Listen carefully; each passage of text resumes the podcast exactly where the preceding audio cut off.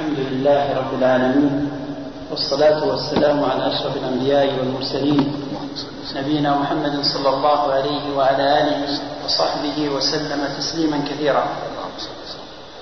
وبعد فنحن في يوم الاثنين الثاني عشر من شهر جماد الأول لعام 1420 وفي محاضرة نسأل الله سبحانه وتعالى أن تكون قيمة عن قضية من أخطر القضايا عن موبقة من الموبقات عن ناقض من نواقض الإسلام عن السحر وما أدراك ما السحر والشعوذة. لفضيلة الشيخ عبد العزيز بن عبد الله الراجحي وفقه الله ونفع بعلمه وعمله فليبدأ مشكورا مأجورا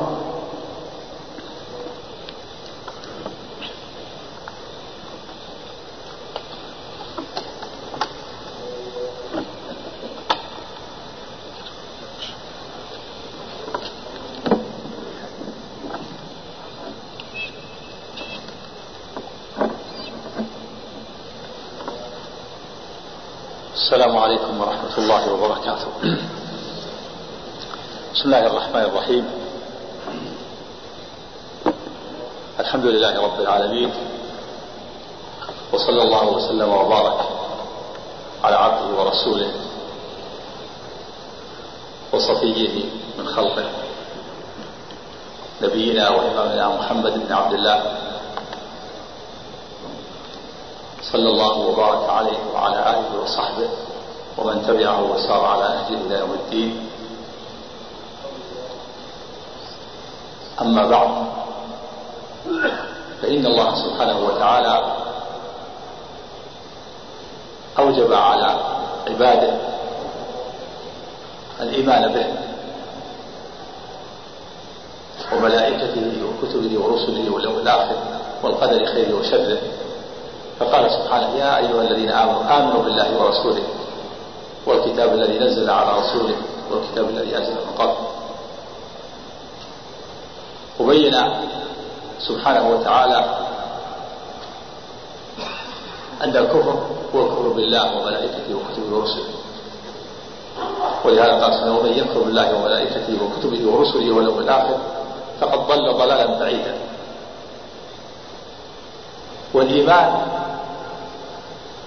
والتصديق الجازم بكل ما أخبر الله به في كتابه وعلى لسان رسوله صلى الله عليه وسلم. الإيمان هو التصديق والإقرار بالله وربوبيته وأسمائه وصفاته وألوهيته وأنه معبود بالحق. الإيمان بالله ربا وخالقا ومالكا ومدبرا ومعودا بالحق. والإيمان بالملائكة الكرام الكاتبين. وأنهم أشخاص وذوات محسوسة وأن الله وظفهم بالوظائف وأنهم عباد مكرمون. وأنهم لا لا يصفون ربهم بالقول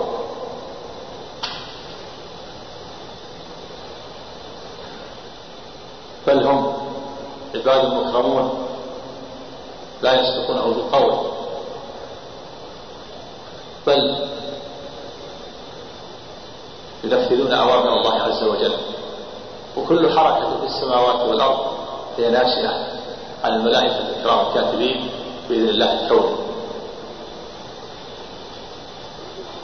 والإقرار والإيمان بالكتب المنزلة. التي أشرفها وأعظمها كتاب الله عز وجل كتاب الله القرآن. ثم يليها التوراة الكتاب الثاني. ثم الإنجيل والزبور والإيمان برسل الله. وأن خاتمهم وأفضلهم وإمامهم نبينا وإمامنا محمد بن عبد الله صلى الله عليه وسلم. والإيمان باليوم الآخر والبعث بعد الموت. والحشر والجزاء والحساب والصراط والميزان والجنة والنار والإيمان بالقدر خيره وشره وحلوه ومره وأن الله علم الأشياء وسبق بها علم وعلم ما كان منها وما لم يكن ما كان وما يكون وما لم يكن لو كان كيف يكون وعلم الأشياء كلها حتى الممتنع وعنده مفاتح الغيب لا يعلمها إلا هو ويعلم ما في البر والبحر. وما تسقط من ورقة إلا يعلمها. ولا حبة في ظلمات الأرض ولا رطب ولا يابس إلا في كتاب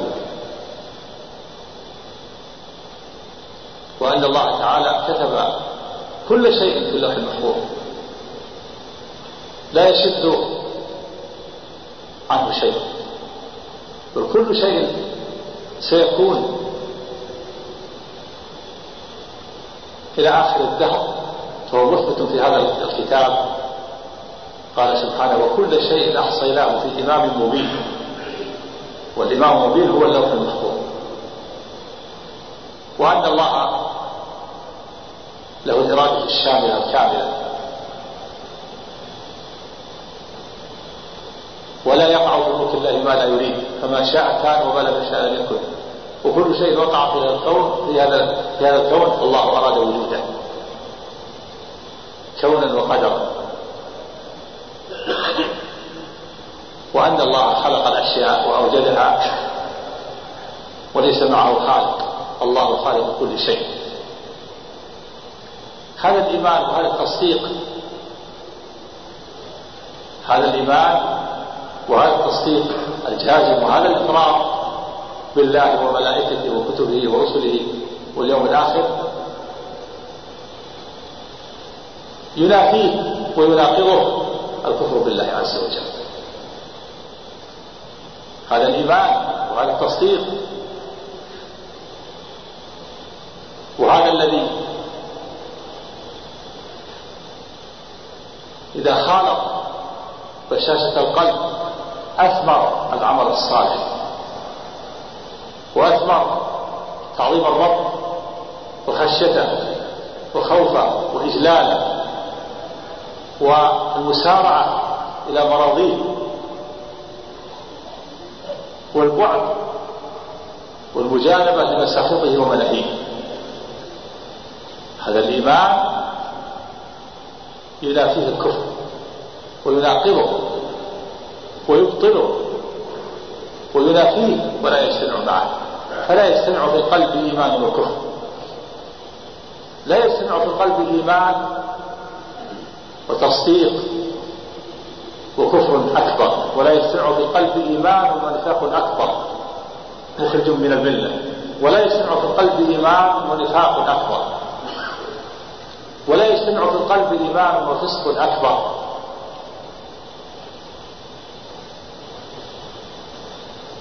ومن الكفر الذي يناقض الإيمان وينافيه ويبطله السحر. السحر وما أدرك ما السحر. السحر الذي من قبل الشياطين ينافي ويناقض الإيمان ويبطل الإيمان ولا يجتمع مع الإيمان بل إذا وجد الإيمان زال الكفر من القلب وإذا وجد الكفر في القلب زال من زال الإيمان فلا يجتمعان فالمؤمن بالله حقيقة المؤمن الذي يثمر إيمان العمل والخشية والخوف لا يقع منه السحر. فإذا وقع منه السحر زال منه الإيمان. فهما نقيضان لا يجتمعان. فما هو هذا السحر؟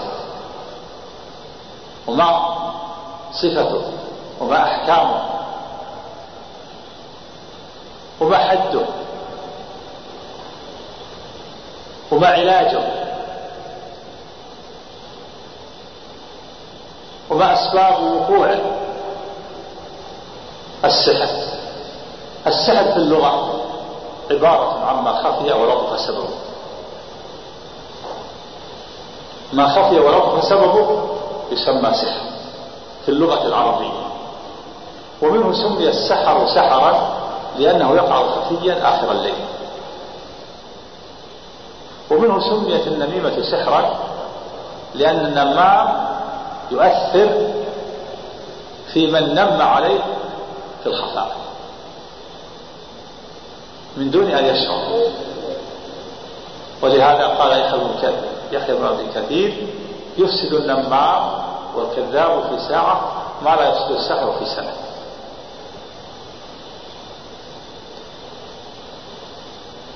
ومنه سمي القول البليغ سحرا لأن القول البليغ يؤثر في السامعين في الخفاء والبليغ يقلب الحق باطلا والباطل حقا وأنت لا تشعر. فمادة السين والحاء والراء تدل على الخفاء فالسحر ما خفي ورضع سبب والسحر آخر الليل لما فيه من الخفاء والنميمة سحر لأنها تؤثر في الخفاء والقول البليغ يسمى سحرا لأنه يؤثر في الخفاء وأما السحر في الشرع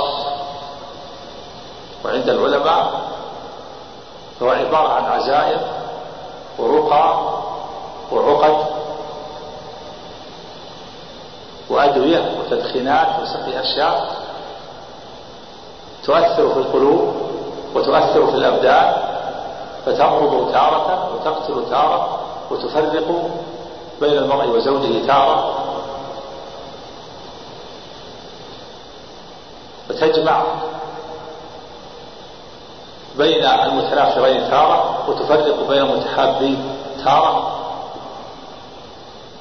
فهذا هو السحر.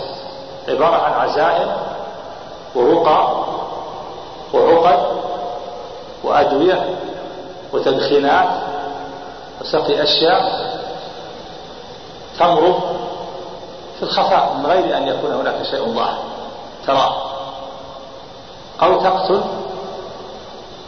وتفرق بين المرء وزوجه. وهذا هو العلاقة بين معنى السحر في اللغة ومعناه في الاصطلاح وفي الشرع. السحر في اللغة عبارة عما خفي ولطف سببه. والسحر في الشرع عقائد ورقى وعقد تؤثر في الخفاء بالمرض وتؤثر في الخفاء بالقتل والموت وتؤثر في الخفاء بالتفريق بين المتحابين أو المتحابين وتؤثر في الخفاء بالعطف والجمع بين المتنافرين. فتارة يكون السحر عطفا وتارة يكون صرفا. فالعلاقة بين المعنى اللغوي والشرعي أن المعنى اللغوي الخفاء والشرعي عقد وأدوية وأشياء وسقي أشياء تؤثر في الخفاء بالمرض. ما ترى هذا السبب. والسحر الذي يتصل صاحبه بالشياطين كفر. لأن السحر الساحر الذي يتصل بالشياطين ويخرج عن الشياطين لا بد أن يقع في الشرك والكفر. لا بد أن يكون عقد. عقد ومعاهدة بين الساحر وبين الشيطان بين الساحر وبين الجن. خدمة متبادلة. وعقد ومعاهدة بين الاثنين بين الجن وبين الإنس. بين الإنس الساحر وبين الجن الشيطان. فالجن يخدم الإنس والإنس يخدم الجن. إذا وجد وجد هذا العقد والاتفاق والمعاقدة التي بينهما. فالجن الشيطان لا يخدم الإنس ولا يرضى أن يتفق معه إلا إذا كفر بالله عز وجل وأشرك بالله عز وجل. إما أن يتقرب إليه بشيء من خصائص الله ومن حق الله تقرب إليه بالشركيات التي يحبها التدخينات وما أشبهها أو يشترط عليه أن يكفر بالله كان يشترط عليه أن يبول على المصحف يشترط الجني على السهل أن يبول على المصحف أو يدوس أو يلطخه بالنجاسة. أو يذبح بالجن ويشترط عليه الشرك. يشترط عليه أن يترك دينه. ويكفر بالله عز وجل. فإذا وفى بهذا الشرط وفى له الجن بالخدمة. فيخدمه. فالجن فالإنس فالإنسي يخدم الجن بالتقرب إليه بالشركيات التي يحبها. والجن يخدم الإنسي الساحر بالاستجابة لمطالبه. فإذا أمره بقتل شخص قتله. إذا استجاب وإذا أمره بأن يمرضه أمره. وتارة يسرق له أشياء. ثمينة. كان يسرق له نوع من الطيب الثمين. يأتي به من مكان بعيد من بلاد بعيدة. فهناك خدمة متبادلة بين الساحر الإنسي وبين الشيطان الجني. وبهذا يكون الساحر كافرا. وفي الحديث ومن سحر فقد أشرك. فالساحر كافر من جهتين من جهة تقربه إلى الشيطان بما هو من خصائص الله وكفره بالله عز وجل. ومن جهة أخرى الساحر يدعي علم الغيب. ومن يدعي علم الغيب كفر لقول الله عز وجل قل لا يعلم ما في السماوات والأرض الغيب إلا الله وما يشعرون أيان يبعثون حكم الساحر حكم الساحر كافر. عند جماهير العلماء. عند الأئمة الثلاثة مالك وأبي حنيفة وأحمد قالوا الساحر كافر. قال أصحاب أحمد إلا أن يكون سحره بيده وتدخينات وسحر شيء يضر فلا يكفر لخلو سحره من الشرك.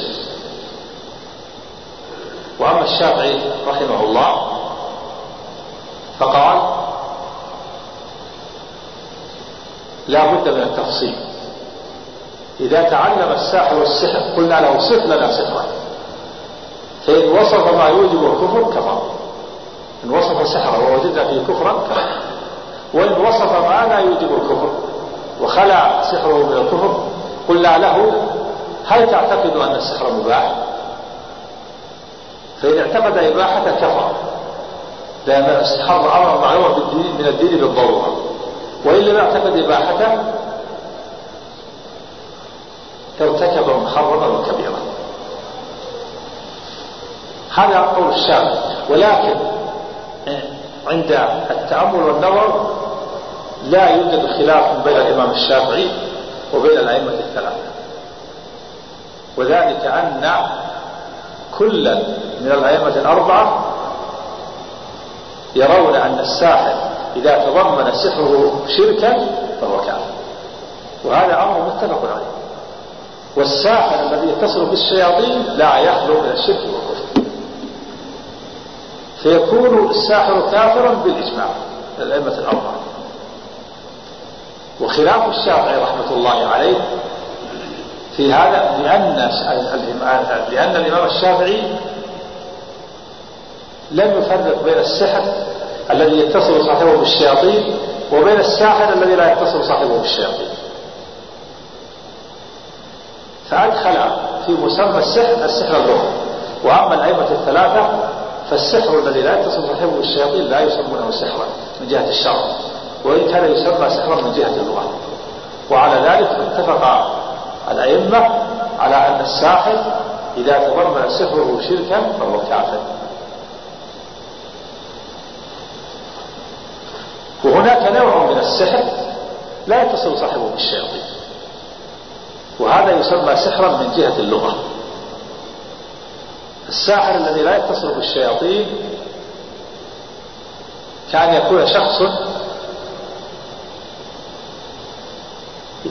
يسحر الناس بالأدوية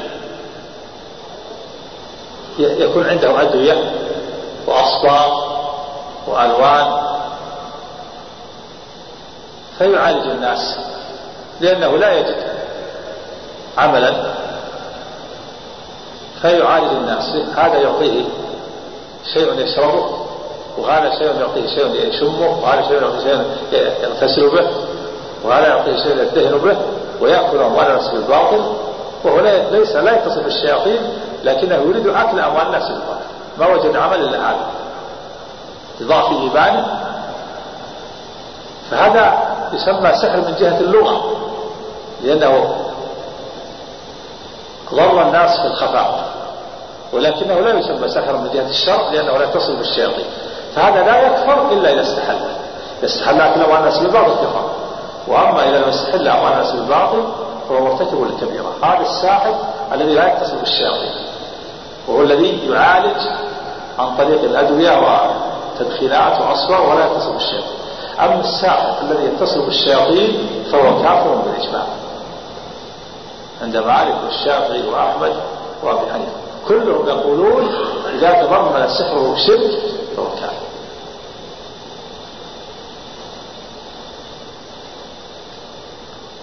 واختلف العلماء في حد هذا الساحر. في حده. ماذا يعمل به؟ فالجمهور على أنه على أن حده القتل وضرب العنق بالسيف وأن حده القتل واستدلوا بحديث حديث حد الساحر ضربه بالسيف وهو مرفوعا وهو موقوفا. وثبت أن عمر بن الخطاب أمير المؤمنين فاروق كتب إلى عماله أن يقتلوا كل ساحر وساحرة؟ قال فقتلنا ثلاث سواعيا وصح عن حفصة رضي الله عنها أن أمرت بجارية لها سحرتها فقتلت. وصح عن جندب أيضا قتل الساحر. قال أحمد صح هذا عن ثلاثة من أصحاب النبي صلى الله عليه وسلم أمروا بقتل الساحر عن عمر وحفصة وجندب. فإذا حد الساحر القتل عند جمهور العلماء. وإذا قتل فهل هو كافر أو غير كافر؟ الصواب أنه كافر. لا يغسل ولا يصلى عليه ولا يدفن مع المسلمين في مقابرهم بكفره وشركه. وقال آخرون إن حده الحبس يحبس حتى يتوب أو يموت. والصواب أن حده القتل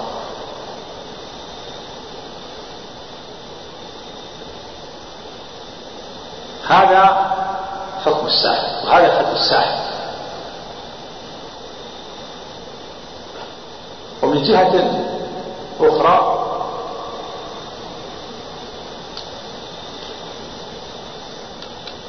فالإتيان إلى الساحر وسؤاله لا يجوز. حرام. لا يجوز الإنسان أن يأتي إلى السحرة. ولا أن يتعالج عندهم ولا وليس له أن يسألهم قال الله تعالى واتبعوا ما تتلو الشياطين على ملك سليمان. وما كفر سليمان ولكن الشياطين كفروا يعلمون يعلمون الناس السحر. فهذه الآية دليل على كفر السحر. ولكن الشياطين كفروا يعلمون الناس السحر. كفروا بتعليم السحر. فمن تعلم السحر أو علمه كفر. قال سبحانه ولقد علموا لمن اشتراه ما له في الآخرة من خلق. يعني اشترى يعني استعاض به. استعاض عن القرآن وشرع الله بالسحر فلو اشتراه ما له في الآخرة من خلاق من نصيب وحظ وثبت صحيح عن أبي هريرة رضي الله عنه أن النبي صلى الله عليه وسلم قال اجتنبوا السبع الموبقات. قالوا وما هن يا رسول الله؟ قال الشرك بالله والسحر.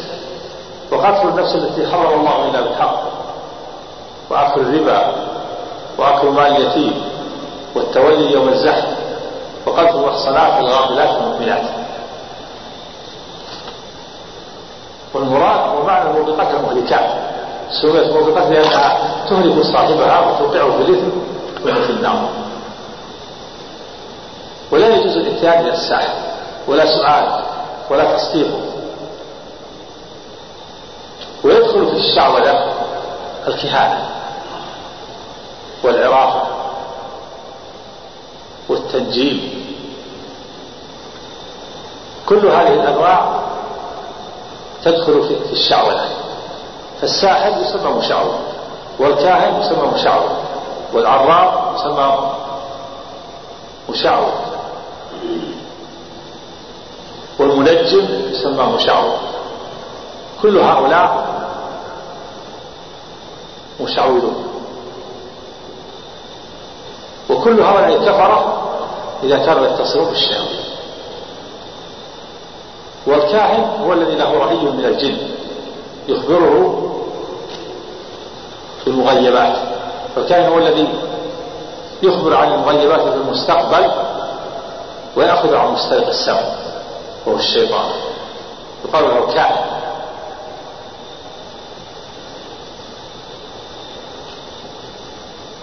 وكان والشياطين يسترقون السمع وكثروا كثر استماعهم للسمع قبيل بعثة النبي صلى الله عليه وسلم والشهب تلاحقهم وتحرقهم يرمون بها. فلما بعث النبي صلى الله عليه وسلم شددت كراسة السماء وكثر رميهم بالشهب كما أخبر الله عن الجن أنه قال وأنا لمسنا السماء فوجدناها ملئت حرسا شديدا وشهبا وكثر الكهان قبيل بعثة النبي صلى الله عليه وسلم. حتى صار لكل قبيلة كان كثر السحرة والمنجمون. حتى جاء النور وشاع النور ببعثة نبينا محمد صلى الله عليه وسلم. والشياطين الذين يسترقون السمع يركب بعضهم بعضا. كما وصف سفيان بكفه استراق الشياطين السمع ركوبهم هكذا. بد حرف يده جعلها حرفا وبدد بين اصابعه الشيطان هكذا والشيطان الثاني فوقه والثاني فوقه والثاني فوقه حتى يصلون إلى الأعلى. هكذا. الأصابع مفرقه واحد فوق الثاني لكن بينهم ليسوا متلاصقين. الشيطان فوق الشيطان فوق الشيطان فوق الشيطان. الشياطين كثيرون. كثيرون. يوجد شياطين كثيرون. وكل واحد معه قريب. كل إنسان معه قريب. حتى النبي صلى الله عليه وسلم قال ما منكم من أحد إلا ومعه قريب. قالوا وأنت يا رسول الله؟ قال وأنا. ولكن الله أعانني عليه فأسلم. فلا يأمرون إلا بخير.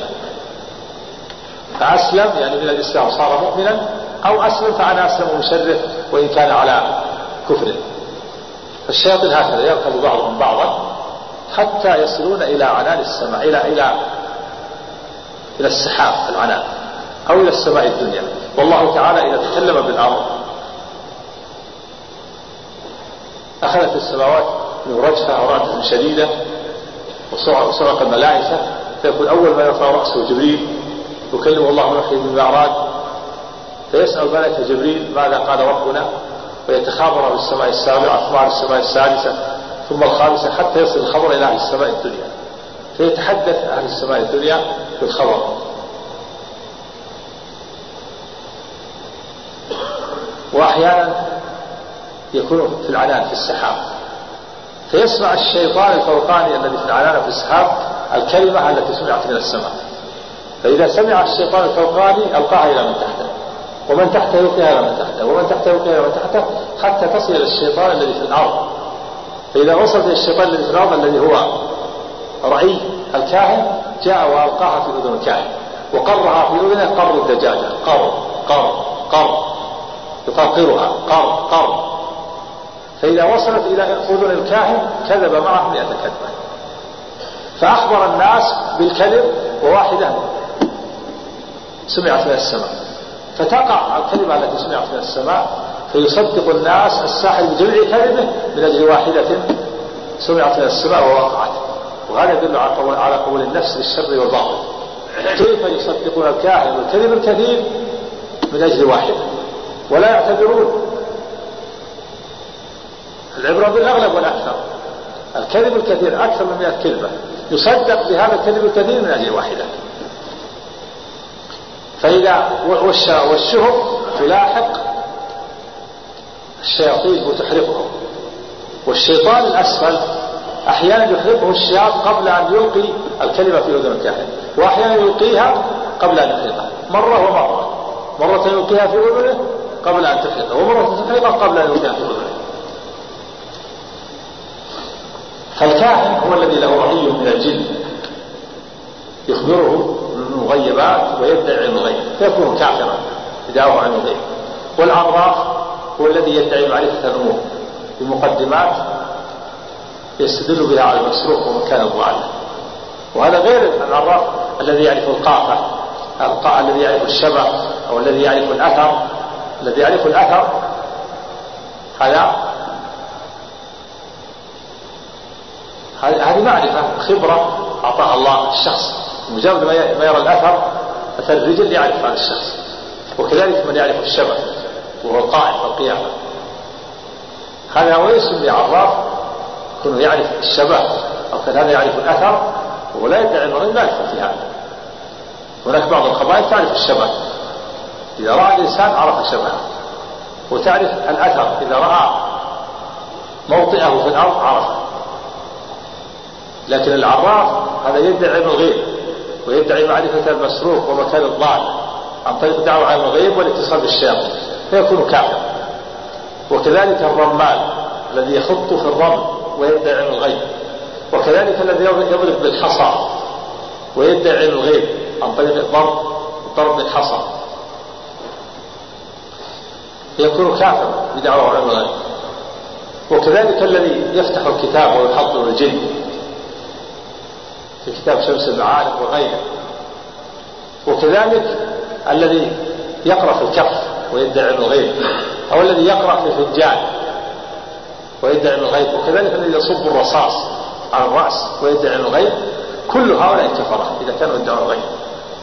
كفرة لدعواهم علم الغيب لقول الله عز وجل قل لا يعلم من في السماوات والأرض الغيب إلا الله. ولقوله سبحانه وعنده مفاتح الغيب لا يعلمها إلا هو.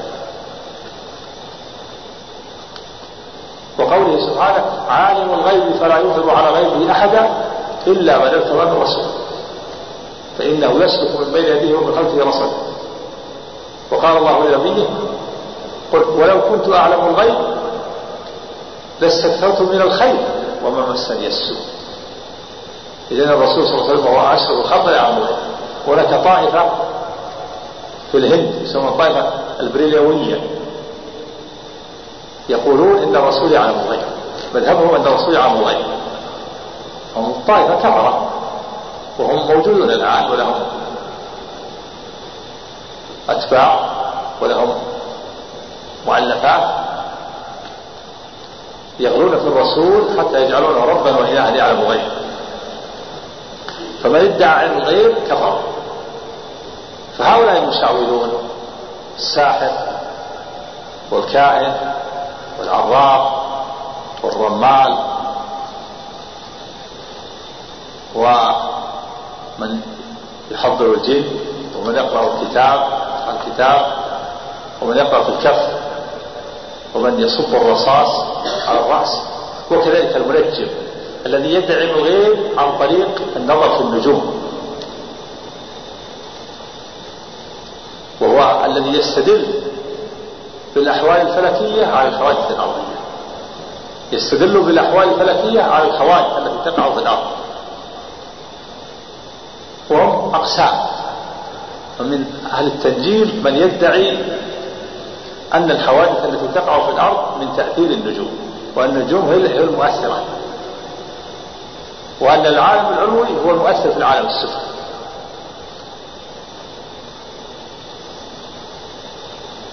هؤلاء كفرة مشركون في الربوبية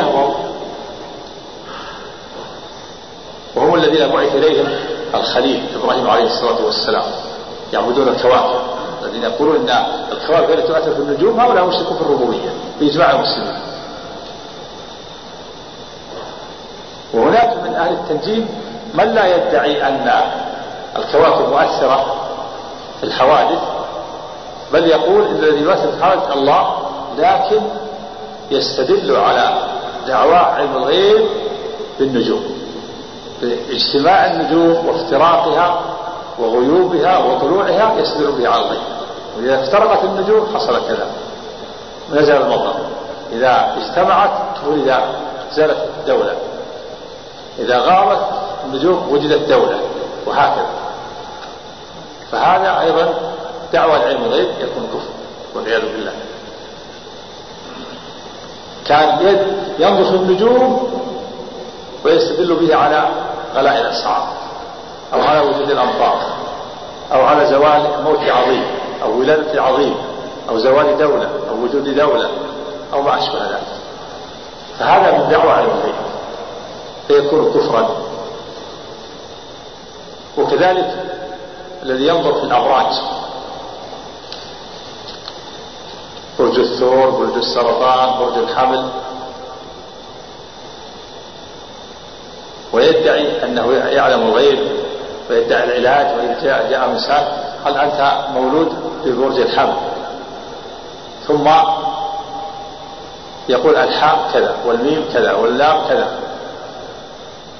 ويجعل لها أرقام ويحذف بعضها ويقول أنت مولود في برج كذا وسوف يحصل عليك كذا وسوف تحصل على كذا. سيكون لك من الأولاد كذا وستحصل من التجارة على كذا ويكون عمرك كذا. كل هذا من دعوة الغيب. النظر في الأبراج والاستدلال بها على الحظ أو على العمر أو على السعادة أو على الشقاوة والتعاسة كل هذا من دعوة الغيب. ثبت عن ابن عباس رضي الله عنه أنه رأى قوما يكتبون أباجات يكتبون الحروف الأبجدية أبجد حوز خطي كلمة ساعة قرشت تخذ ضبط هذه الحروف الأبجدية. يكتبون فيها وينظرون في النجوم. قال ابن عباس ما أرى من فعل ذلك له عند الله من خلق. يعني من نصيب وحظ إذا نظر كتب الحروف الأبجدية واستدل بها على علم الغيب كفر. أما إذا لم يستدل بها على كتبها ليضبط بها وفيات الأئمة وغيرهم ينتفع بها فلا بأس.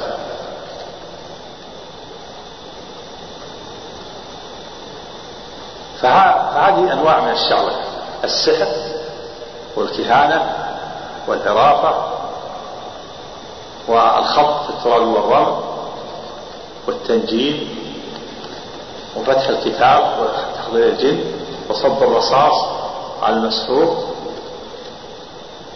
والقراءة في الكف أو في الفنجان كل هؤلاء المشعوذون إذا كانوا يدعون الغيب فهم كفرة وإن كانت طرقهم متعددة كلهم كفرة. لكن الساحر كفره عن طريق العقد والنفث فيها. والكاهن كفره عن طريق دعوة علم الغيب وله رأي من الجن. والعراف عن طريق معرفة دعوة معرفة دعوة علم الغيب عن طريق معرفة المسروق ومكان الضال. والرمان الذي يخط عن طريق الخط في الرمل. والضارب بالحصى عن طريق الضرب بالحصى والوجه. والمنجم عن طريق النظر في النجوم. فهؤلاء كلهم كفر ولا يجوز الإتيان إليهم ولا سؤالهم و ولا تصديقهم ولا العلاج عندهم ولما سئل النبي صلى الله عليه وسلم عن الكهان قال ليسوا بشيء أي أخبارهم لا يوثق بها. وجاء الوعيد الشديد على من؟ أتى العرافين والكهنة وسألهم وصدقهم ثبت في الحديث عن النبي صلى الله عليه وسلم أنه قال من أتى عرافا فسأله عن شيء لم تقبل له صلاة أربعين يوما. وهذا وعيد شديد. مجرد السؤال. عرافا فساله عن شيء لم تقبل له صلاة أربعين يوما وثبت في الحديث أن النبي صلى الله عليه وسلم قال من عرافا أو كاهنا فصدقه بما يقول فقد كفر بما أنزل على محمد صلى الله عليه وسلم. وهذا وعيد شديد.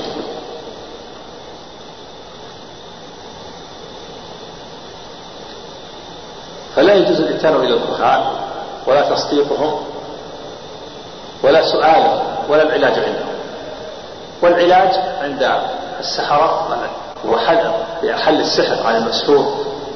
هذا يسمى النشرة عند أهل العلم. النشرة حل السحر على المسحور. حل السحر على المسحور له طريقان.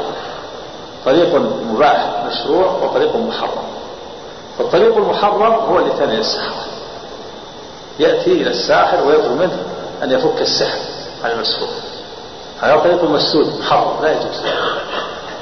لأن السحر لا الساحر لا يحله إلا بسحر منه. عن طريق الشياطين. وهذا حرام سئل النبي صلى الله عليه وسلم عن النشرة فقال هي من عمل الشيطان؟ هي النشرة المعهودة الجاهلية عن طريق الشياطين. وعن الحسن لا يحل السحر إلا ساحر. فلا يجوز السحرة حل السحر عندهم لأنه لا لأنها لأن الإنسان يبيع دينه إذا أتى عند السحرة وقد يأمرونه بالشرك كما هو الواقع بعض الناس يأتي إلى الساحر ويقول له ائتني بخروف صفته كذا كذا أو بديك واذبحه في المكان الفلاني ولا تسمى. وسواء سمى ولا يسمى. هذه الذبيحة للجد فيقع في الشرك والعياذ بالله.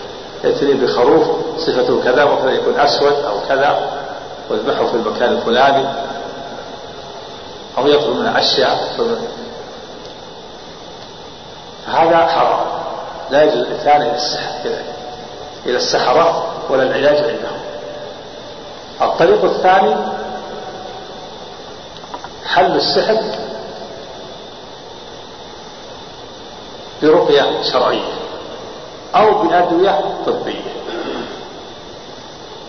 إما أن يحل السحر عن طريق الأدوية الطبية والعلاج الطبي والعقاقير الطبية وما يعمله الأطباء عقاقير أو من كي خاص عندهم. هي معروف عند الأطباء. أو يحله عن طريق الرقية الشرعية. والرقية الشرعية تكون بآيات من كتاب الله عز وجل أو بتعوذات شرعية وردت في السنة المطهرة أو بتعوذات مباحة ليس فيها محل بهذا يحل السحر. السحر حل السحر في هذه الرقية مشروع وجائز. وكل كتاب الله رقية فاتحة الكتاب رقية عظيمة. ثبت أن بعض الصحابة سرية من الصحابة استضافوا قوما من العرب فلم يضيفوا فلم يضيفوهم ولم يعطوهم قراءة ولا ضيافتهم. فذهبوا وتركوهم فلدغ سيد هذا هذا القوم من العرب لدغته عقرب. فالتمسوا له الأطباء ولم يفيده شيء. التمسوا العلاج والطب فلم فلم يستفيدوا شيء. فجاءوا إلى الصحابة وقالوا يا أيها القوم إن سيدنا لدغ والتمسنا له الأطباء فلم يفيده فلم يستفيدوا شيء. هل عندكم من راقية يعني من شخص يرقيه؟ قال الصحابة قالوا الصحابة نعم. نحن نرقيه ولكن والله لا نرقيه حتى نتفق معكم على أجرة. لأننا استضفناكم فلم تضيفونا فلا نعطيه إلا بأجرة. فاتفقوا معه على ثلاثين على ثلاثين رأسا من الغنم.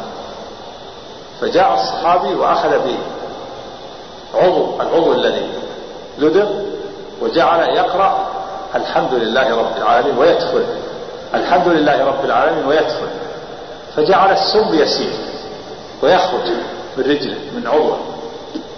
وهو ولا يزيد على قراءة الفاتحة. الحمد لله رب يدخل ويقرأ الحمد لله رب العالمين الحمد لله رب العالمين.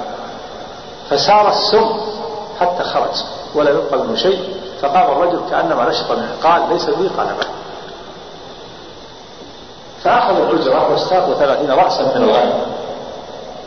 ثم إن الصحابة رضوان الله تحرجوا فقالوا كيف نأخذ والرسول صلى الله عليه وسلم عندنا وبين أظهرنا فتوضعوا وتركوها وقالوا حتى نسأل النبي صلى الله عليه وسلم. فلما وصلوا إلى النبي صلى الله عليه وسلم سألوه فقال وما يدريكم أنها رقية. خذوها واضربوا, واضربوا معكم منها بسهم ليطيب خواطرهم عليه الصلاة والسلام. خذوها يبين أنها حلال قد اضربوا لي معكم بسهم.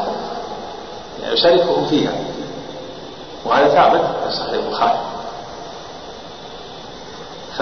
وهذا فيه مشروعية الرقية.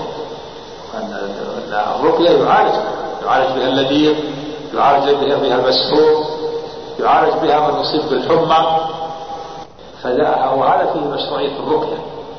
أن الرقية يعالج يعالج بها اللذيذ يعالج بها بها المسحور يعالج بها من يصيب بالحمى. القرآن كله شفاء يا أيها الناس قد جاءتكم موعظة من ربكم وشفاء لما في الصدور وهدى ورحمة للمؤمنين.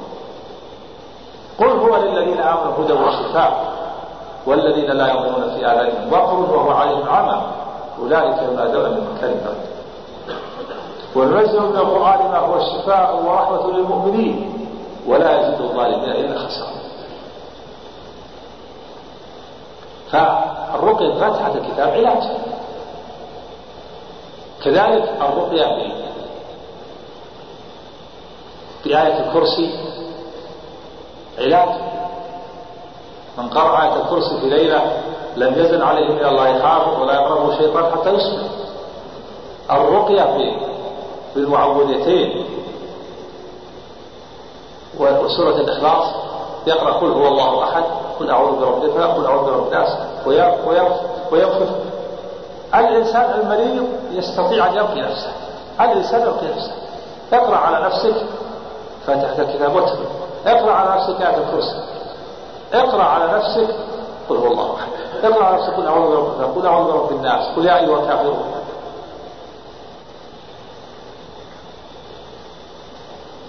كثير من الناس عنده علاجه معه ويطلب العلاج من بعيد. العلاج معك أنت. تستطيع أن تعالج نفسك. وكثير من الناس كثير من من الموفقين من العلماء وغيرهم يرقون أنفسهم بأنفسهم.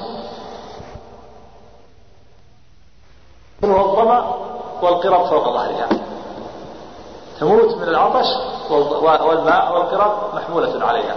وأنت الآن تطلب العلاج والعلاج معك أنت الآن. العلاج معك. أرقي نفسك بكتاب الله عز وجل. وأصدق مع الله. واضرع إلى الله عز وجل. والله تعالى لا يخيب رجاء الصادقين. والنبي صلى الله عليه وسلم كان يلقي نفسه كل ليلة عليه الصلاة والسلام. ثبت في الحديث الصحيح عن النبي صلى الله عليه وسلم في كل ليلة ينفث بكفيه ويقرأ قل هو الله أحد ويدخل قل أعوذ برب الفلق ويدخل قل أعوذ برب الناس ويدخل ثم يمسح بها وجهه ورأسه وما المكان ثم يفعل ذلك مرة ثانية وثالثة ثلاث مرات في كل ليلة. هذا كذلك أيضا من علاج من العلاج السحر ما ذكره العلماء من أنه يؤتى بإناء فيه ماء وتقرأ الآيات التي فيها السحر. يقرأ أربع آيات خمس آيات من سورة الأعراف وهي قول الله عز وجل فوقع الحق وبطل ما كانوا يعملون فغلبوا هنالك وانقلبوا صاغرين وألقي السحرة ساجدين قالوا آمنا برب العالمين رب موسى وهارون. ثم تقرأ آية في سورة طه وهي قول الله عز وجل إنما صنعوا كيد ساحر ولا يفلح الساحر حيث أتى ثم تقرأ آيتين في سورة يونس. قال موسى ما جئتم؟ قال موسى ما جئتم به السحر إن الله سيبطله. إن الله لا يصلح عمل المفسدين. ويحق الله الحق بكلماته ولو كره المشركون. هذه الآيات تقرأ في إناء في ماء ويصب على رأس المسحور فيشفى بإذن الله. ومن العلاج أيضا الرقية الشرعية. قراءة آية الكرسي تقرأ آية الكرسي على المريض تنفث أو تقرأها في ماء. ومن العلاج قراءة قل هو الله أحد قل أعوذ برب الفلق قل أعوذ برب الناس. تنفث على المريض أو في ماء. ومن العلاج المجرد للرجل إذا حبس عن امرأته يعني إذا منع من جماعها بعض المشعوذين يحبس الرجل عن امرأته خصوصا عند العقد عند الزواج. يحضر عقد ثم يأتي بخيطة عقد ويعقدها فيمتنع في فيكون هذا الذي عقد له على زوجته ما يستطيع أن يجامع زوجته ما ينتشر ذكره ولا يجامع الزوجة. محبوس محبوس عن امرأته. هذا له علاج مجرد. وهو أن يؤتى بسبع ورقات من السبع وتدق وتضرب في ماء يصب عليها ماء ويقرأ الفاتحة والقواقع. تقرأ آية الكرسي والقواقع. تقرأ في آية الكرسي الله لا إله إلا هو الحي القيوم إلى قوله وهو العلي العظيم تقرأ قل هو الله أحد قل أعوذ برب الفلق قل أعوذ برب الناس قل يا أيها الكافرون ثم يشرب منها المصاب أو المحبوس عن امرأته ويغتسل يتروش في الباب. فيزول حبسه ويحل هذا الحبس. وهذا واقع مجرب. فعله. أهل العلم قديما وحديثا. وقد فعلت هذا جربت هذا في بعض الناس. قال إنه محبوس عن امرأته. وقرأت له سبع ورقات من السن وقرأت آية الكرسي والقواكب فشرب وقال إنه استفاد وفعل هذا سماحة شيخنا العلامة عبد العزيز بن عمر بن باز رحمه الله كان يفعل هذا. وغيره من أهل العلم كانوا يقرؤون آية الكرسي والقواقب للمحبوس عن امرأته فينتفض ويحل عنه هذا علاج علاج شرعي والقرآن كله شفاء تقرأ أيضا آيتان من آخر سورة البقرة. آمن الرسول بما أنزل إليه من ربه والمؤمنون. تقرأ أول سورة آل عمران.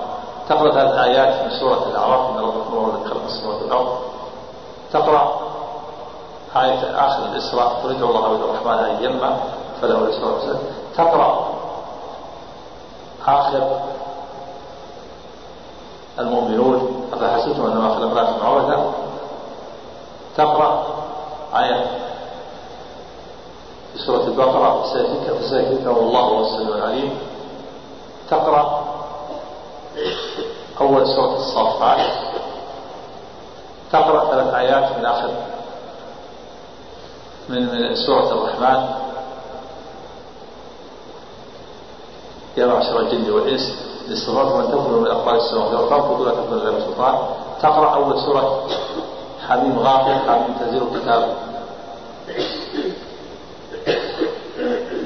من الله العزيز غافر الذنب وقابل التوب تنزيل كتاب من الله العزيز. حكيم قاتل الدم وقابل التوب شديد العقاب للطوب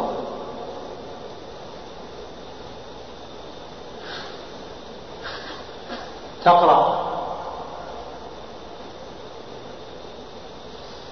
ثلاث آيات من آخر سورة الحشر. كل هذا مثال للرقية الشرعية والقرآن كله خير كله شفاء.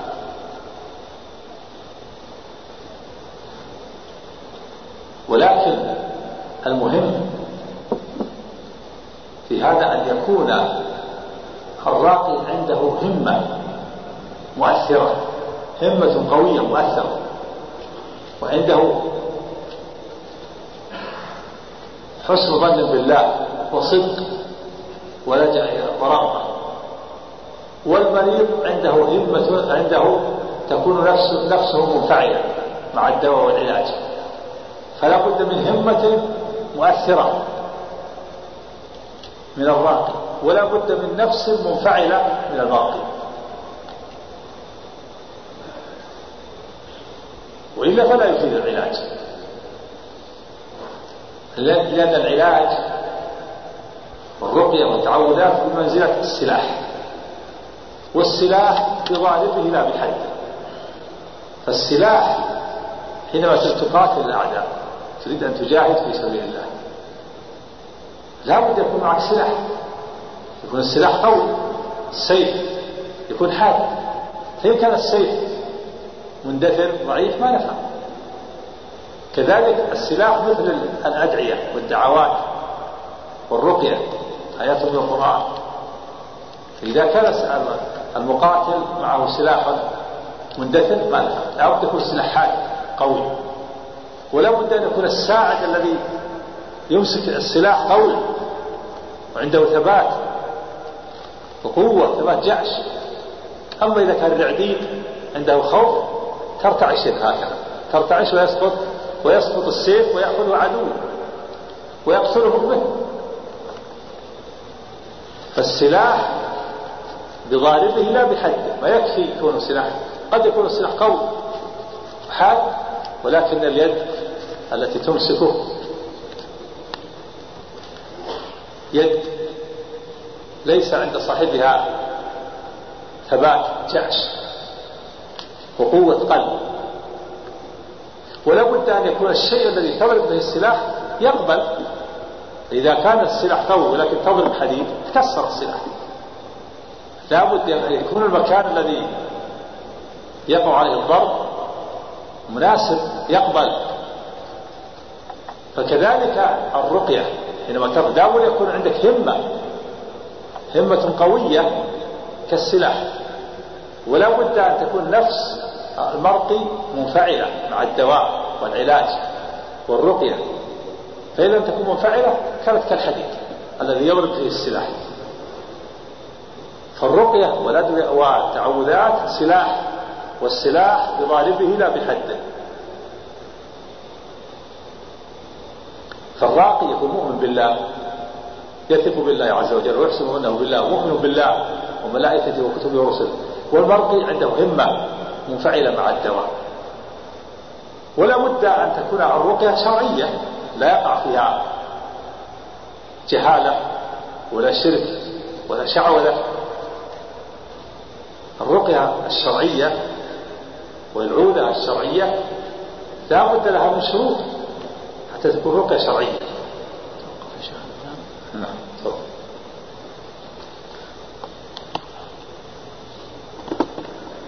الرقية الشرعية والعودة الشرعية لا تكون شرعية إلا بشروط.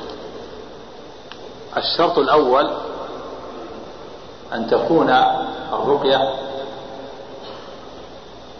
بكتاب الله عز وجل في آيات من القرآن كما سبق. أو تكون الرقية بأدعية نبوية. كان يرقية بما ورد. اللهم رب الناس أذهب الباس واشفي أنت الشافي لا شفاء إلا شفاء شفاء لا يغادر سقما بسم الله أرقيك من كل شيء وذيك ومن شر كل نفس أو عين حاسد الله يشفيك بسم الله يرقيك بسم الله الذي لا يضر مع اسمه شيء في الأرض ولا في السماء وهو السميع العليم. أعيذك بكلمات الله التامات من شر ما خلق. تعوله بأدعية نبوية. أو تعوذه بتعاويذ مباحة وإن كانت لم ترد لكن لا محذور فيها. هذا شرط تكون الرقية بآيات من القرآن أو بيد النبوية أو بيد مباحة. ولا بد أن تكون بلسان عربي. فإن رقى بغير اللسان العربي أو بتمتمة كما يفعل بعض المشعوذين تمتم لا يجوز. خشية أن يكون ينادي الجن بأسماء يعوذ بأسماء الجن أو بأسماء الشياطين وبأسماء الملائكة. يتمتم بعض السحرة إذا جئت يتمتم وبعض السحرة يقرأ مرة الفاتحة أو يقرأ قل الله أحد ثم يتمتم. هذه تمتم ما تدري من هذه الشياطين أو الجن. ويقرأ الفاتحة أمامك حتى حتى تطمئن إليه. من باب ذر الرماد في العيون. لا بد أن تكون بلسان عربي. ولا بد أن تعتقد أنها سبب والشفاء بيد الله. فإذا وجدت هذه الشروط الثلاث فهي رقية شرعية. تكون الرقى بآيات من القرآن بآيات بأدعية نبوية بأدعية مباحة وتكون بلسان عربي. فالرقاء باللغة الإنجليزية أو باللغات اللغات الأخرى فلا صحيح. الأذكار والتعوذات وقراءة القرآن التسبيح التهليل والتكبير والدعاء لابد أن يكون باللغة العربية. يتعلم العجمي إذا أسلم يتعلم. لو كبر بغير اللغة العربية ما صح وسبح أو قرأ القرآن أو دعا ما يصح لابد يتعلم اللغة العربية. تكون بلسان عربي محروقة شرعية. لا بلغة أجنبية. والشرط الثالث أن نعتقد أنها سبب والشفاء بيد الله. وبهذا القدر أكتفي حتى نترك الوقت للأسئلة. وأسأل الله على الجميع الثبات على دينه والاستقامة على دينه. وأسأله أن يعيدنا من الشياطين شر الشياطين وأتباعهم وأعوانهم وأن يغنينا بالحلال عن الحرام. وأن يغنينا بكتابه وسنة نبيه صلى الله عليه وسلم عن الشعوذة والمشعوذين وأن يجعل في قلوبنا اليقين والإيمان والاطمئنان والرضا بكتاب الله وسنة رسوله صلى الله عليه وسلم وأن يعيدنا من نزغات الشياطين وأن يثبتنا على دينه حتى الممات إنه على كل شيء قدير. وصلى الله وسلم وبارك على عبده ورسوله نبينا محمد وعلى آله وأصحابه والتابعين جزا الله الشيخ خير الجزاء وأحسن إليه ونفع بعلمه والأسئلة كثيرة والموضوع يبدو من الأهمية مكانه وكذلك. لعل ولعل من أول الأسئلة الأولى بالطرح أن بعض المثقفين آه، وبعض الناس يظن أن السحر ليس له حقيقة ويقول إنما هي تخيلات وأوهام. فما الرد على هؤلاء؟ وما حكم من يظن أن السحر ليس له حقيقة؟ نعم هذه المسألة مهمة. وهذه فاتت فات علي أن أنبه عليها. السحر بعض العلماء يرى أنه ليس له حقيقة وأنه خيال. ينسب هذا إلى بعض الطوائف المنحرفة كالمعتزلة وينسب إلى الإمام حنيفة وأن السحر ليس له حقيقة وإنما هو خيال. ويستدلون بقول الله تعالى يخيل إليه من سحرهم أنها تسعى وقول سحروا أعين الناس والصواب أن السحر نوعان ينقسم إلى قسمين قسم الخيال كما دلت عليه هذه الآيات يخيل إليه من سحرهم أنها تسعى سحروا أعين الناس مثل ما يسحر أعين الناس يفعل بعض الناس يسحر من حوله ثم يخرج من فمه سكاكين أو يخرج من فمه مناديل أو يخيل الناس أنه يأتي بالسكين ويضرب بطنه ويخرج الدم. هذا خيال كما يوجد في بعض في غير بلادنا يوجد في الشوارع. سحرة هكذا. في الشوارع سحر هذا يضرب بطنه بالسكين هذا يطلع مناديل هذا من فمه هذا يطلع سكاكين. هذا يسحر الناس ويخيل إليهم أنه يدخل من فم البعير ويخرج من دبره ويدخل من دبره ويخرج من فمه. وهو في الواقع أنه يمشي بجواره. وكذلك يخيل الناس أنه يجر يجر السيارة بشعرة من لحيته. هذا خيال هذا باب خيال والنوع الثاني حقيقة والدليل عليه قول الله تعالى ومن شر النفاثات في العقد. وهي السواحر التي تنفث في العقد. ولولا أن السحر حقيقة لما أمر الله بالاستعاذة منه ومن شر النفاثات في العقد. لو ثبت أن النبي سحر ولكنه عليه الصلاة والسلام السحر إنما هو من جهة مرض من الأمراض لم يؤثر في قلبه ولم يؤثر على وليس له تأثير على الوحي. فكان يخير إليه أنه يفعل الشيء ولا يفعله ثم جاء جبريل وأخبره واستخرج السحر من البئر و ودفنت هذه هذه البئر. وقال أما أنا فشفاني الله ولا أثير على المسلمين شرا كما قال عليه الصلاة والسلام. فإن السحر له حقيقة قسمان ومن ومما يدل أن له حقيقة أنه يقتل الحقيقة. الساحر يقتل السحر. يعني الساحر يسحر الشخص فيقتله ويموت. وأيضا يمرض يمرض يسحر فيكون مريض.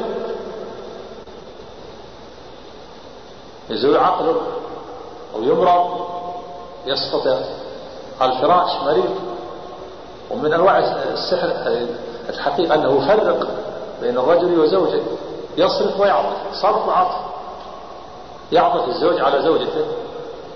يحببها إليه ويحببها إليه أو العكس. يفرق بين الزوجين. يسحر المرأة فإذا رأت زوجها رأته في صورة قبيحة فكرهته وانفرت منه أو الزوج يرى صورة قبيحة لا يطيق النظر إليه. فيفر منه فيحصل الفراق هذا من عمل السحر. هذا يدل على حقيقة. يمرض ويقتل ويصرف ويعطف. ومنه ما هو خيال إذا السحر نوعان قسم الخيال في العيون. سحروا أعين الناس. يخيل إليه وقسم له حقيقة. يقتل ويمرض ويجمع ويفرق. نعم.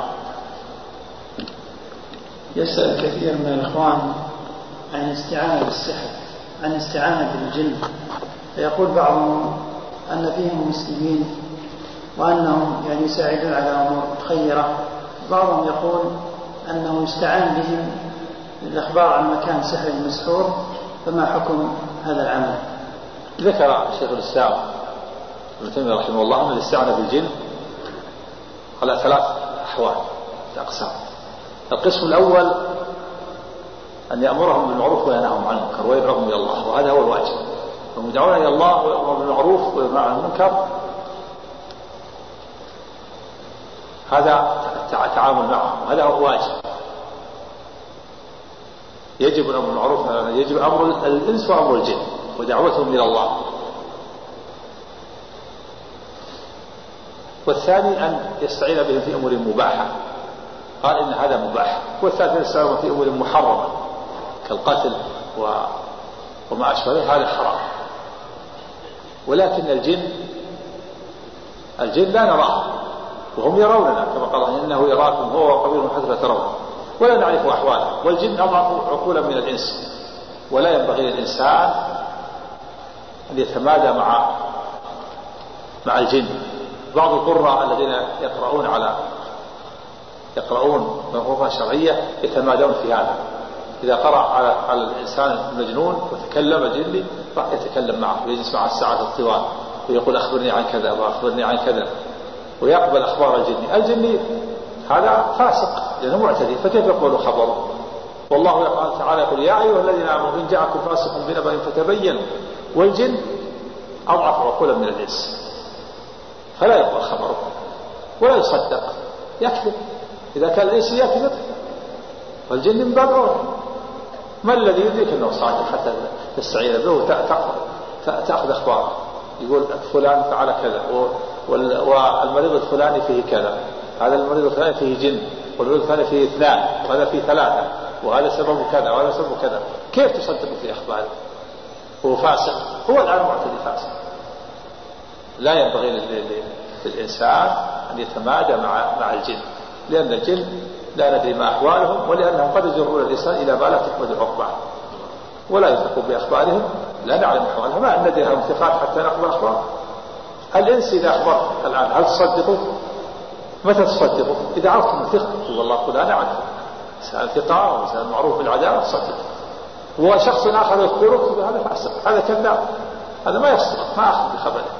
الإنسان ما تعرف لكن الجن ما تعرف. هل تعرف العادل من من الفاسق؟ فلا ينبغي الإنسان أن يتمادى مع الجن لأن قد يجرونه إلى ما تحمد ما لا تحمد عقباه فيندم. نعم. يسأل كثير من الإخوان عن القراءة العامة والقراءة الخاصة القراءة المركزة والقراءة المخففة القراءة على الرجال والقراءة على النساء.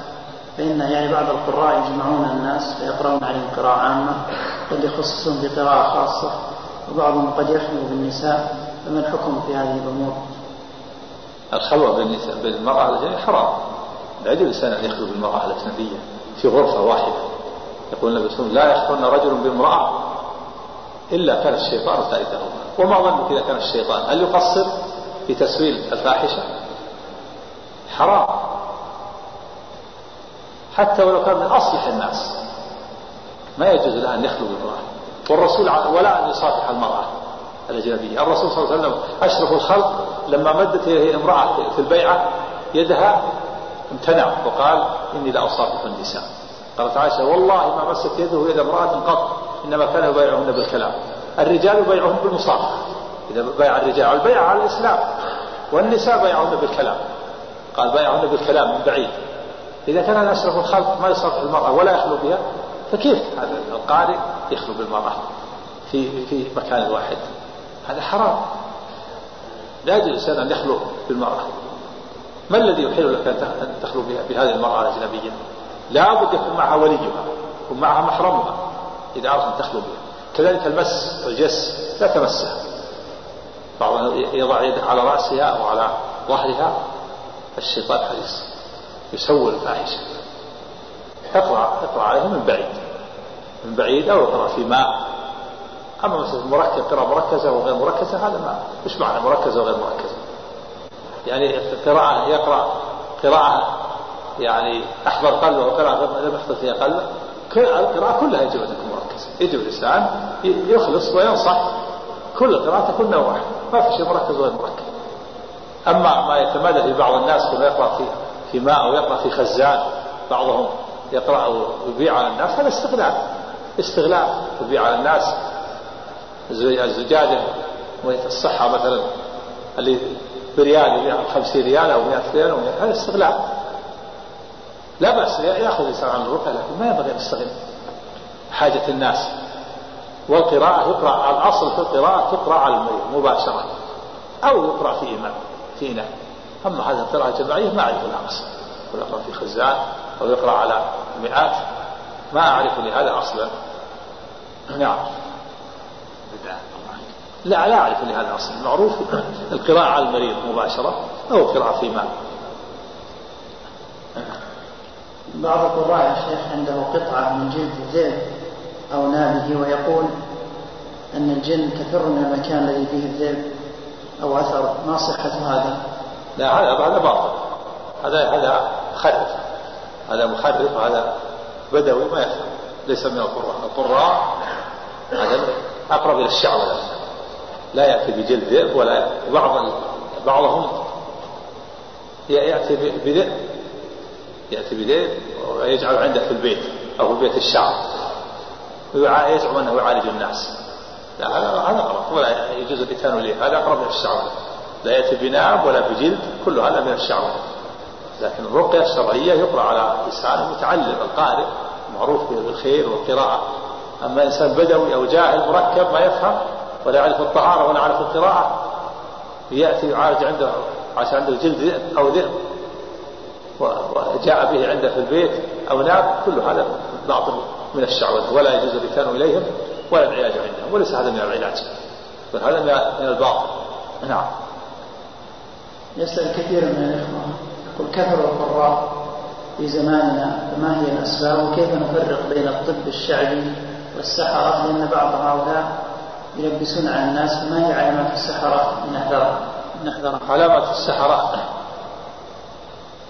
علامات السحرة البعد عن الطهارة والبعد عن المساجد والبعد عن الذكر وكتاب وكتاب الله عز وجل والعزلة عن الناس والتلبس بالنجاسات والروائح الكريهة. هذه علامات السحر لا يحبون الذكر ولا الرائحة الطيبة. ولا يستمعون بالناس بل يكونون منعزلين في أمكنة ضيقة ومظلمة وبعيدة عن الناس ملتوية وشوارع بعيدة. هذه هذه من العلامات أما الإنسان قال معروف معروف بالخير معروف بالقراءة معروف بالوراء معروف بالثقة يقرأ آيات من القرآن معروفة وأدعية شرعية نبوية ما في إشكال ولا في نفس والمشعوذ أيضا كذلك علامة يتمتم ولا تكون رقته بمنادات الجن بأسمائهم أو أو يكون منجم يقول أعطني اسم اسم المريض واسم أمه أو أعطني ثوب المريض أو غترته أو أو خمار المرأة. هذا دليل على المشعوذ وش ما, ما, ما الذي يفيده كونه يؤخذ ثوب المريض أو اسم المريض؟ هذا ليس من الرقة بشيء وإنما هذا من الشعوذة والتنجيم. فلا يجوز الركان إلى هؤلاء. واللي يعالج علاج شعبي هذا معروف. إذا كان يعرف يعالج بشيء معروف من شيء واضح يقول له تعالج بكذا تعالج بالزعفران تعالج بالزنجبيل تعالج شيء معروف. ما في إشكال شيء. عرف بالتجارب هذا يعرف الناس بالتجارب. أكثر الطب عرف بالتجارب. الإنسان يعرفون مثلا الإنسان مصاب مثلا بكذا يعمل كذا والمصاب بكذا يعمل كذا. المصاب بالحمى يعمل كذا والمصاب مثلا بكذا بوجع الرأس يعمل كذا. يعمل شيء يشرب شيء من من من الأعشاب أو يكون بالكي أو أشياء. عرفها الناس بالتجارب. هذا الطب العربي والشعبي معروف بالتجارب. تعرف الناس جربوه وفعلوه واستفادوا منه. وأكثر الطب معروف إنما عرف بالتجارب. هذا الطب الشعبي. ولا في شعوذة ولا في آه نداء للشياطين ولا للجن ولا كذا ولا أخذ غترة ولا ثوب ولا اسم الأم ولا اسم الشخص ولا عجل ذئب ولا شعر ولا ناب ولا شيء. وإنما هي أشياء معروفة. عرفها الناس بالتجارب من من من الأدوية أو من الأعشاب أو من الأطعمة. أما المشعوذ ولا الساحر معروف. معروف أمره والقارئ الذي يقرأ إذا ألقي رقى شرعية معروف. نعم. الله عنك ما سبب كثرة انتشار كثرة كثرة انتشارهم والله أعلم ضعف الإيمان والطمع في الدنيا. يريدون أن يذهبوا أموال الناس يأكلوا أموال الناس بالباطل هم يريدون المادة الناس عبدوا المادة كثير من الناس في هذا الزمان عبدوا المال تعيس عبد الدينار وعبد الدرهم فهم حبهم للمال صار كثر يريدون أن ينهبوا الأموال. كما أن البائع الذين يتحيلون ويغشون يريدون أن يتحول جمع المال بأي طريقة يكذب ويغش في السلعة ويخادع ويحلف أنه اشتراها بكذا. والله ما دخلت عليه إلا بكذا وهو كذاب. والله ما اشتريتها إلا بكذا. والله ما بعت على غيرك إلا ب... إلا بعشرة آلاف. وهو مشتريها ثلاثة آلاف وأربعة آلاف. حتى يغرك وتزيد. وهكذا. هذا يريد أكل أموال الناس باطل بضعف إيمانه وكذلك المشعوذ وكذلك اليعالجون كثروا من أجل الطمع وأكل أموال الناس بالباطل. نعم. هل يجوز يا شيخ أحسن الله إليك قراءة الخروج للاطلاع فقط؟ مع عدم اعتقاد صحة ذلك أن يدخل في حديث من أتى عرافا أو كاهنا وسأله والله يحفظكم ولا يجوز الاحتفاظ الاحتفاظ بها في المنزل. لا يجوز قراءة البروج إلا على وجه الإنكار. إذا كنت تريد تقرأها أو تأخذها حتى تبلغ المسؤولين أو حتى تسأل أهل العلم عن حكمها فلا بأس. أما أن تأخذها أو تحتفظ بها لغير ذلك فلا يجوز. لأنك معنى أقررت هذا الباطل لأنك مشارك له. لماذا؟ تقرأها وتحتفظ بها. لماذا؟ وأنت تعتقد أنها باطل إذا كنت تعتقد أنها باطل مزقها وأتلفها ولا تقرأها ولا تبطلها لكن إذا أردت تبلغ المسؤولين أو تسأل أهل العلم فلا بأس. أما لغير ذلك لغير مقصد شرعي فلا يجوز قراءتها ولا إبقاءها ليش تقرأ الباطل وتقر الباطل عندك؟ ما لم تعتقد أنه باطل؟ كيف تضيع وقتك في قراءة الباطل؟ إذا كنت تعتقد أنه باطل وأنه لا أساس له من الصحة لماذا تقرأها؟ ولماذا تحتفظ بها؟ فإذا كان لغرض صحيح كان توصلها المسؤولين حتى ينهى هؤلاء حتى يمنع هؤلاء من الكتابة لا بأس. أو تبلغها للعلماء لا بأس. بسم الله الرحمن الرحيم. الحمد لله والصلاة والسلام على رسول الله. وبعد فهذا سؤال يقول بعض الإخوان كثير من الناس عندما يتقدم أحد لخطبة قريبتهم وهم لا يريدونه. والأب راض, راض به فيقومون بسحره ليتفرق الزوج وزوجته. هل من نصيحة؟ بسم الله. الحمد لله والصلاة والسلام على رسول الله وعلى آله وصحبه ومن اتبعه له. لا يجوز عمل السحر لأي غرض من الأغراض. وليس هذا من شأن المسلم. كيف يليق بالمسلم أن يسحر أخاه؟ كيف يليق به أن يفعل السحر؟ إذا فعل كفر وإن لم يفعله وأتى إلى ساحر وطلب منه أن يسحره فهو على خطر أولا إتيانه إلى الساحر حرام وعليه الوعيد الشديد. وثانيا طلبه من الساحر أن يؤذي أخاه المسلم هذا أمر عظيم وأن يضره بالسحر كيف يليق المسلم هذا؟ أين الأخوة الإيمانية؟ الله تعالى يقول والمؤمنون والمؤمنات بعضهم أولياء بعض والمؤمن ولي أخيه. قال وفي الحديث المسلم أخو مسلم لا يظلمه ولا يحقره. كل مسلم على المسلم حرام دمه وماله وعرضه ما الذي أحل لك أن تؤذي أخاك وأن تضره وأن تسحره؟ أين الإيمان؟ أين الديانة؟ أين الأخوة؟ الواجب على على التوبة النصوح والإحسان إلى من آذيته وطلب السماح والاصطلاح معه بالمال وبغيره لعله يعفو عنك وإلا فسوف يؤخذ من يوم القيامة. وكل الأب زوج وهو راضي إن كانت الزوجة راضية فالزواج صحيح ولو ولو ترضى عنه. لا يشترط الزكاة إذا كانت الزوجة راضية وهو ذو خلق ودين والولي هو الأب وراء الحمد لله. أما إذا كان الأب مثلا غصبها أو كانت البنت لا تريده أو كان الشخص لا يرضى هو دينه فليس فليس سحره هو الطريق للتخلص منه.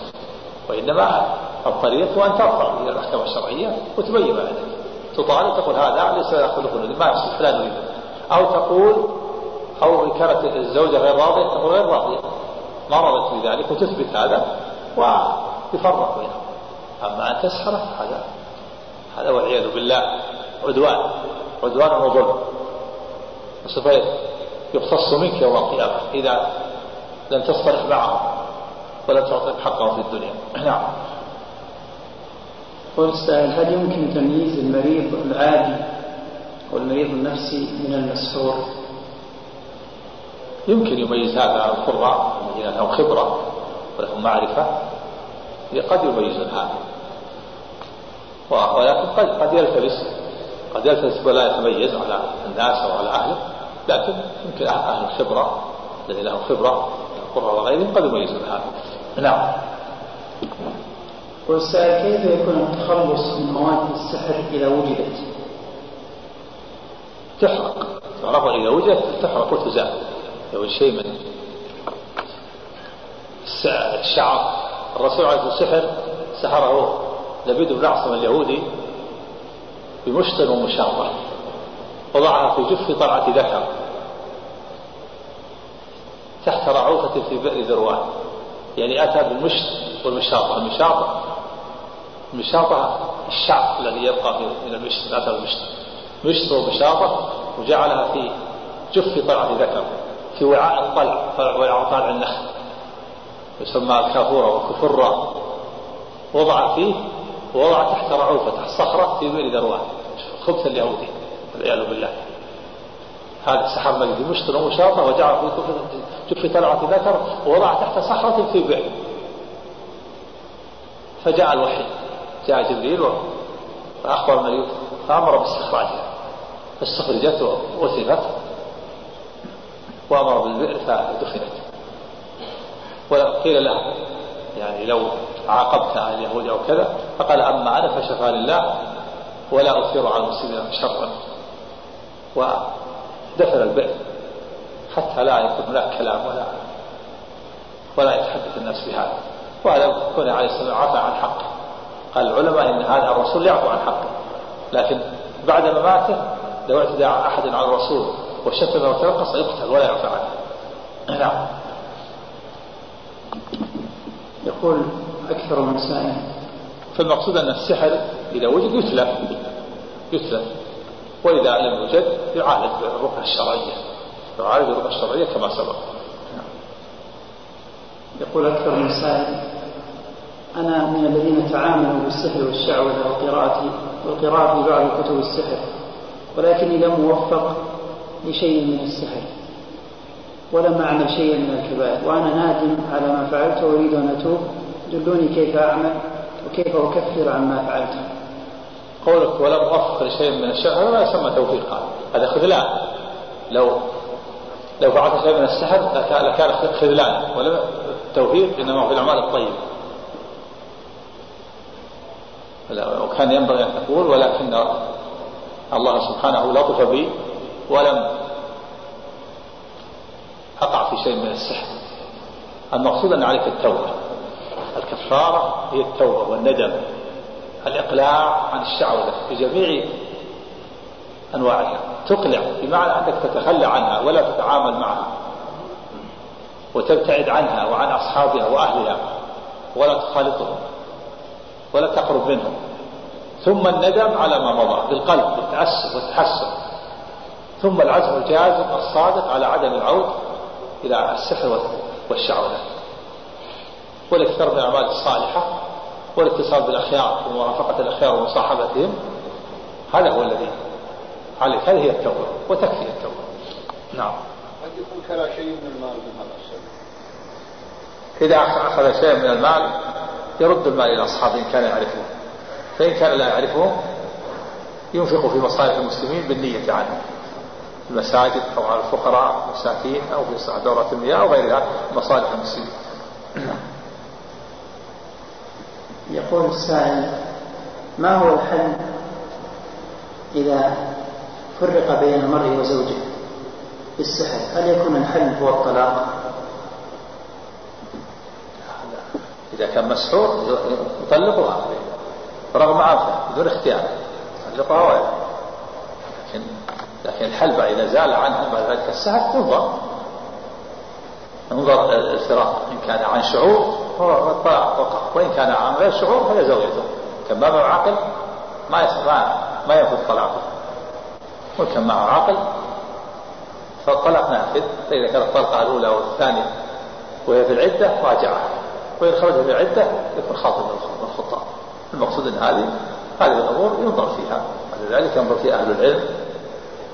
ويبينون لك ما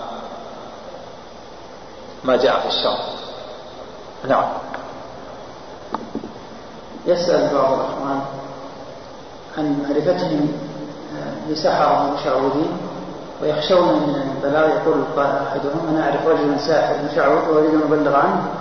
الجهات المسؤولة لكنني خائف على نفسي من الساحر لأنه يعرفني لأنه قد يضرني وبعض الناس يقولون لي ما لك وما لا تبلغ عنه لأنه سيضرك. أرجو توجيهي وتوجيه إخواني. نعم الواجب عليك أن تبلغ. تبلغ المسؤولين وتتحصن بال... بالأوراد الشرعية. لا يضر بإذن الله. الشيطان ليس له سلطان على المؤمنين. تتحصن تقرأ في الصباح بعد كل صلاة آية الكرسي وقل هو الله أحد وقل أعوذ وقل أعوذ برب الناس. وتقرأ ثلاث مرات قل أعوذ برب قل أعوذ برب الناس بعد المغرب وبعد الفجر وعند النوم. وتتعوذ بكلمة الله التامة من شر ما خلق. بسم الله الذي لا يضر مع اسمه شيء في الأرض ولا في السماء. تصدق مع الله. حضور القلب ولا غضب لا ساحر ولا غيره. مبلغ مبلغ عنه ولا يضر. الواجب عليك التبليغ. هذا من إنكار المنكر. والسحر من أعظم المنكرات. الواجب على التبليغ. والواجب على كل من علم ساحر يبلغ المسؤولين. وهذا تخويف من الشيطان. من أخاف منه لا تخاف. إنما لا الشيطان الخوف أولياءه. فلا تخافوهم وخافوني إن كنتم مؤمنين. نعم. يقول السائل بعض الناس إذا شكوا إذا شكوا في شخص أنه هو العائن أخذوا الماء الباقي من غسيل الفناجيل مثلا التي شرب فيها العائن فيعطونه المعيون فيشربه أو يرش به نفسه فهل هذا الحل مشروع؟ لا هذا مجرد. العائن يعني اللي أصاب الشخص بعينه. إذا عرف العائن فإنه يؤتى إليه ويقول يا فلان اقرأ عليه اقرأ ما في حياة. هو يأتي ويقضي تزول العين بإذن الله. يأتي يوم. أو يقال أعطنا شيئا هذا مجرد. إذا أخذ شيء من من آثاره من الفناجيل القهوة وغيرها يشفع؟ هذا بمعروف التجارب أو يستغسل له يطلب منه الاستغسال يعرف أنه كما جاء في الحديث أن فلان أصاب فلان بعينه يستغسل له. يعني يأتي بماء ويغسل أطرافه يديه ورجليه وركبتيه وداخلة إزاله أو يتمضض فيه ويعطيه إياه. ويستعمله ويشرب إليه. يستغسل له أو يأخذ شيء من من أو يأتي ويعطيه ينفث عليه. هذا مجرد. والإستغسال هذا وارد في الحديث.